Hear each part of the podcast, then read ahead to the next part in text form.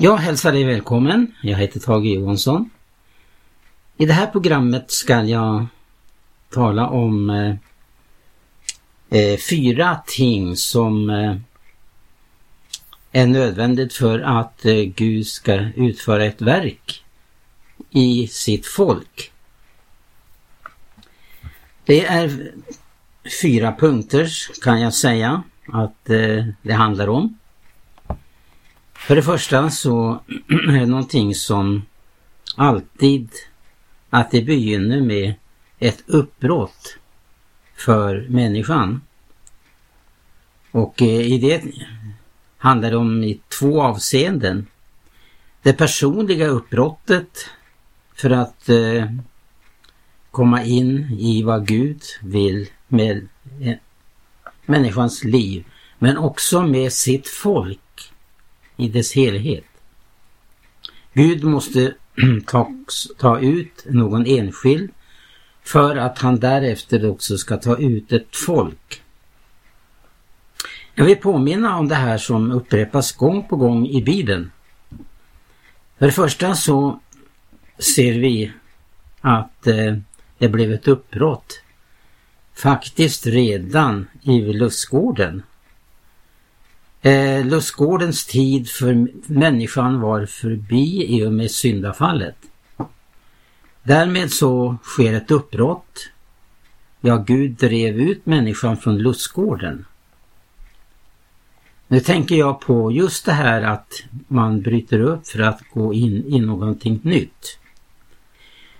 Genom syndafallet så hade människan gjort sig omöjlig för den plan som Gud tänkte med det tillstånd hon levde i lustgården. Men Gud övergav ju inte människan utan han fortsätter att eh, använda människan som sitt redskap. Gud han är angelägen om att varje människa ska få bli en eh, nära medarbetare till Gud faktiskt. Aposteln säger det att vi är Guds medarbetare. Gud använder människan för sina syften. Liksom också syndens makt använder människan som ett redskap för att utöva det destruktiva genom en andeförste som driver människan till detta. Men Gud han Eh, hade en plan för människan. fast fastän hon avvek därifrån så fortsätter Gud utifrån de förutsättningar som är för handen. Och Gud kan också göra någonting eh, långt utöver vad vi både kan bedja och tänka om för, för den delen. ja, uppbrott det skedde ett uppbrott för de första två människorna från, från Edens lustgård. Och eh, det var ju utifrån att det hade att göra med både en negativ och positiv sida. Det fanns en möjlighet för de första människorna att eh, komma i tjänst för Gud. Och eh, Gud säger det också att de ska spridas över hela jorden de ska vara, bära, vara fruktbärande, föröka sig och lägga jorden under sig. Det är en episod. Men jag tänker också på vad som sker framöver i tiden. Och då ska vi flytta oss fram ända till Abraham. Där det sker då ett upp uppbrott för Abrahams del. Gud presenterar sin plan för honom och han är redo att eh, gå med på den. Han bryter upp ifrån det kaldeiska ur och börjar en vandring. Det som är intressant här det är att Gud har en underbar plan då det gäller Abraham och att han får vara med om ett uppbrott. Genom det här uppbrottet så tar Gud inte ut bara Abraham utan han tar ut ett helt folk för sin räkning. Abraham får ju vandra vidare till det land som Gud en gång ska giva sitt folk. Och så kommer det en dag då i eh, Guds folks historia att det handlar om man gör ett uppbrott ifrån Egypten. Och det är därför att eh, man ska komma att förverkliga den plan som då Gud har eh, med tanke på att man bryter upp och börjar en vandring, ökenvandringen, för att sedan komma in i ett land som Gud hade bestämt för dem. Och därför så när det sker ett uppbrott, både i den enskilde och eh, då det gäller Guds folk i tiden. Så eh, när man då har, får vara med om ett uttåg. Det, det första som sker det är ju själva uppbrottsakten. Men sen sker också eh, konsekvenser av detta uppbrott genom att det blir ett uttåg. Abraham kallades ut ur det kaldeiska ut. Han drog ut därifrån. Och det har alltid någonting som, som återkommer för Guds folks historia. Att när man har upp, upplevt ett uppbrott så gör man ett uttåg. Därefter så handlar det om att Gud upprättar någonting med sitt folk. Det här kan vi tydligt, tydligt se när folket kommer in i löfteslandet. Att de ska upprätta någonting där såsom ett avskilt folk. Ja, jag skulle vilja att Gertrud läser några bibelversar. Eh, jag tänker på när folket hade gjort uppbrott ifrån Babel. Ett uppbrott och ett, uttåg. Så kommer man dithän att Gud vill upprätta sitt folk, avskilja sitt folk. Och om du läser här i Nehemja 10 från den 28, versen så hjälper du mig att vi får med de här bibelsammanhanget. Det är ett skeende där det har skett ett uppbrott, ett uttåg. Men sen återstår då att det ska ske en full upprättelse. Mm. Läser till dess jag säger till. När mm. vi, ser. vi börjar där i Nehemja 10 och vers 28 då. Var det där? Ja. ja 28. Och det övriga folket, prästerna, leviterna, dörrvaktarna, sångarna, tempelträlarna och alla de som hade avskilt sig från de främmande folken och vänt sig till Guds lag, så och deras hustrur, söner och döttrar, alla som hade kommit till moget förstånd.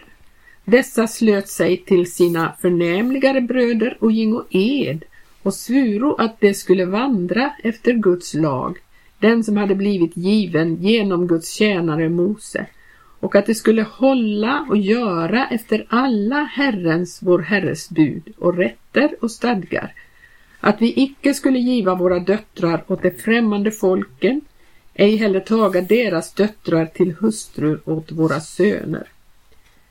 Och när de främmande folken förde in handelsvaror eller något slags säd till salu på sabbatsdagen skulle vi icke köpa det av dem på sabbat eller helgdag och vi skulle låta vart sjunde år vara friår och då avstå från alla slags krav. Ja, man kan stanna där. Det räcker det där. Mm. ja, vi kommer här att ta del utav ett skeende då. Det börjar ju med uppbrottet från Babel. Eh, dit hade ju folket förts på grund utav att de hade avvikit från Guds plan. Man lyssnade inte längre till vad Gud ville med sitt folk. Och man eh, avvek och var olydig. Därför hamnar man i Babel. Och det var ju för att Gud skulle komma till tals igen. Men det tog 70 år där innan Gud kunde komma till tals med dem och det var aktuellt med ett uppbrott som nu inte alla då gjorde men en del som de av dem som lyssnade till Guds kallelse och blev ett med dem, de bröt upp. Vid ett tillfälle Sarubabel bröt upp så tågade ju cirka 50 000 för att återvända till sitt eh, land. Men eh, nu när vi då har blickat in i den kamp som Nehemja eh, fick gå in i. Därför att det var inte färdigt med att folket hade kommit till landet, hade byggt upp templet och eh, muren. Utan nu återstod också att det skulle bli ett avskilt folk för hans räkning. Man skulle bryta de förbindelser man har gått in i ohelig allians. Deras döttrar skulle inte giva åt eh, eh, det kringliggande folkets män och, och vice versa. Man skulle avskilja sig för att man skulle kunna fortsätta i det skeendet som var på gång. Jag vill särskilt understryka, det här det är ju lärdomar för oss. Och frågan är som jag vill ställa här i det här programmet, det är var befinner du och jag i det här? Och som Guds folk i vår tid, var befinner vi oss i? Är vi inne i ett skeende där detta sker? Där Gud handlar?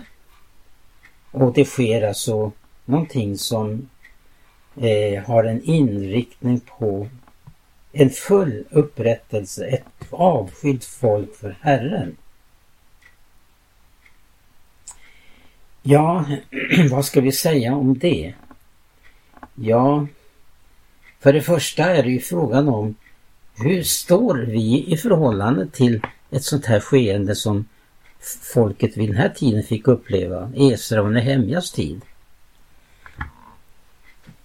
Och så vill jag då eh, genom en egen erfarenhet eh, på, eh, påpeka att det var någonting som eh, vi upplevde i Maranatas begynnelse. Det kom ett budskap om uppbrott. Det handlar om att förnya sanningen om Jesu tillkommelse, att gå utanför lägret och bära hans märlig. Och man upplevde det att, att det var någonting nytt i görningen. Folk bröt upp. Eh, man lämnade så som lärjungarna gjorde en gång i tiden. Lämnade båten och näten och fadern och mycket annat som skulle bli till hinder annars. Man lämnade det, man gjorde ett uttåg ifrån sig själv, från sin släkt, ifrån det religiösa sammanhang som rådde vid den tiden, som Jesus fick konfronteras med. För han passade inte in i de religiösa förhållanden i Palestina på den tiden. Han fick stå utanför och hans kallelse var också att stå utanför. Därför säger Jesus vid ett tillfälle Människosonen har ingen plats där han kan vila sitt huvud.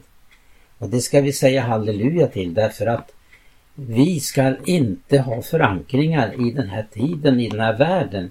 Utan vi ska eh, uppleva vad Jesus säger att om man söker Guds rike först så ska allt det andra tillfalla. Det är den stora frågan för oss som ständigt gör sig påminn när vi kommer till vägskäl där vi ska välja. Ska vi välja Guds rike eller ska vi välja världen? Ska vi välja vårt eget liv eller ska vi mista vårt liv och uppleva hur Guds liv får eh, ta gestalt i oss? Jag nämnde här hur vi upplevde Maranataväckelsen som begynte på 60-talet. Då var just det här budskapet om uppbrott. Utanför lägret må hela brudeskaran stå. Det var en, det var ett, en väckelseappell som gick i, i, över hela, dess, hela det här landet. Och människor bröt upp. Och eh, jag minns så väl hur då vi upplevde väldigt andemättade konferenser. Hur man bröt upp. Eh, som man sa också att efter en sån konferens så gick flyttlassen. Man bröt upp, man ville komma in i något nytt. Man upplevde att eh, den heliga Ande eh, satte oss in i en eh, eh, nybyggaranda, eh, eh en eh, pionjäranda. Och tiden var inne nu att Gud ville göra någonting nytt. Och så här har det pågått i alla tider.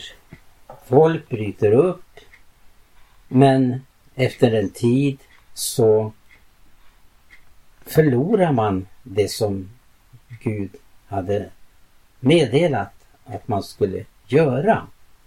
Man ska verkligen göra någonting när man går ut till Jesus utanför lägret.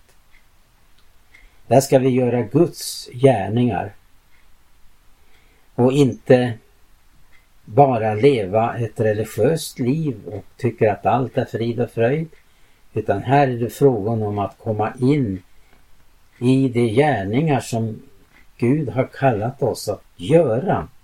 Jesus säger ju det att större gärningar än ska ni göra än vad jag har gjort. Jag går till Fadern och han skall sedan där han är på Faderns högra sida sända ut och ta ut människor för att eh, i, den, i sin samtid förverkliga Guds uppdrag. Uppdraget står kvar. Vi kan vara trolösa, vi kan avvika men, men Guds uppdrag står alltid kvar. Om vi är trolösa så står han troget fast vid sitt ord. Ja, det här är en stor lärdom för oss om vi tar del det som jag har refererat till här, Nehemja och Esra. Hur de fick eh, kämpa för att eh, förverkliga och synliggöra Guds rike för sin tid. Idag handlar det ju inte om så som det var på Nehemjas tid eh, ett geografiskt område. Men det är en förebild för församlingen. Församlingen ska röra sig eh, på det avskilda område Gud har hänvisat till. Han har givit oss ett land, liknelsevis talat. Ett land där Guds ord får vara vägledande, rådande och uppleva att församlingen är ingen demokrati utan det handlar om teokrati. Där Gud får regera. Men Gud tvingar sig ju inte på någon. Utan han kallar med kärlekens kallande röst. Och då är det frågan om var väljer vi? Men vad ska vi då säga om den tid vi lever i idag? Var någonstans är vi i ett sånt här skeende eller existerar inte ett sånt här skeende idag? Jag skulle vilja påstå av egen erfarenhet att det är väl endast någon enskild som Gud talar till idag. Det finns inte ett sådant här skeende som hör församlingen till. Där, där det är frågan om att det är ett helt folk som bryter upp. Ett folk som kommer in i eh, den andliga tempeltjänsten. Därför, det handlar ju så ofta som vi har återkommit till under Maranatas tid just det här om församlingsupprättelse. Och så vill jag återigen påminna, hur står du och jag och Guds folk idag i förhållande till detta som är Guds hjärteangelägenhet och det gäller församlingen. Det är underbart att Gud tar ut enskilda människor. Men det stannar ju inte vid detta utan efter det att eh, Mose blev kallad där han gick och vaktade sin svärfaders Getros får så kom en dag en kallelse till eh, Mose att bryta upp och att gå in då det var tiden, då tiden var inne för ett nytt skeende. Det är det som är så viktigt avgörande för eh, att vi kommer in i det andliga skeende som är för handen. Det som är möjligt för Gud att göra idag. Det kan vara så att allt ligger nere. Ja, det var ju det som man fick uppleva när man kom till landet Esron och Hemja. Murarna låg nere. Allting var förstört. Men så börjar man bygga igen. Och så har Guds folk upplevt med sina tidsintervaller att eh, eh, antingen så bryter man ner eller också så bygger man upp. Det står aldrig stilla. Det utvecklas alltid all, antingen i den ena eller andra riktningen och det gäller för Guds folk i tiden. Gud vill ha ett avskilt folk i denna tid och vår bön är det är att Gud ska resa upp redskap i denna tid som eh, blir det som öppnar för ett nytt skeende. När Mose blev kallad så öppnade han för ett nytt skeende och sedan resulterade det i att det blev ett uppbrott, ett uttåg för ett folk som Gud tog ut för sin räkning. Nu misslyckades man därför att man föll i otro i öknen och Gud fick ta ut ett nytt släkte som var redo att gå in i landet. Ja, det var de här punkterna som jag ville påminna om. Uppbrott, uttåg, upprättelse och sen då funktionen naturligtvis. För att vad skulle det betyda annars? Om inte det kom in i funktion. Kallelsen gäller att det utvalda folket som har brutit upp och blivit upprättat ska få vara i funktion så som vi ser det i apostlagärningarna. Där har vi ett tydligt exempel på när Gud får ta ut ett folk. Det var så det skedde på apostlarnas tid. Och må också det här få ske i vår tid. Också att vi får uppleva att vi är med Jesus utanför lägret.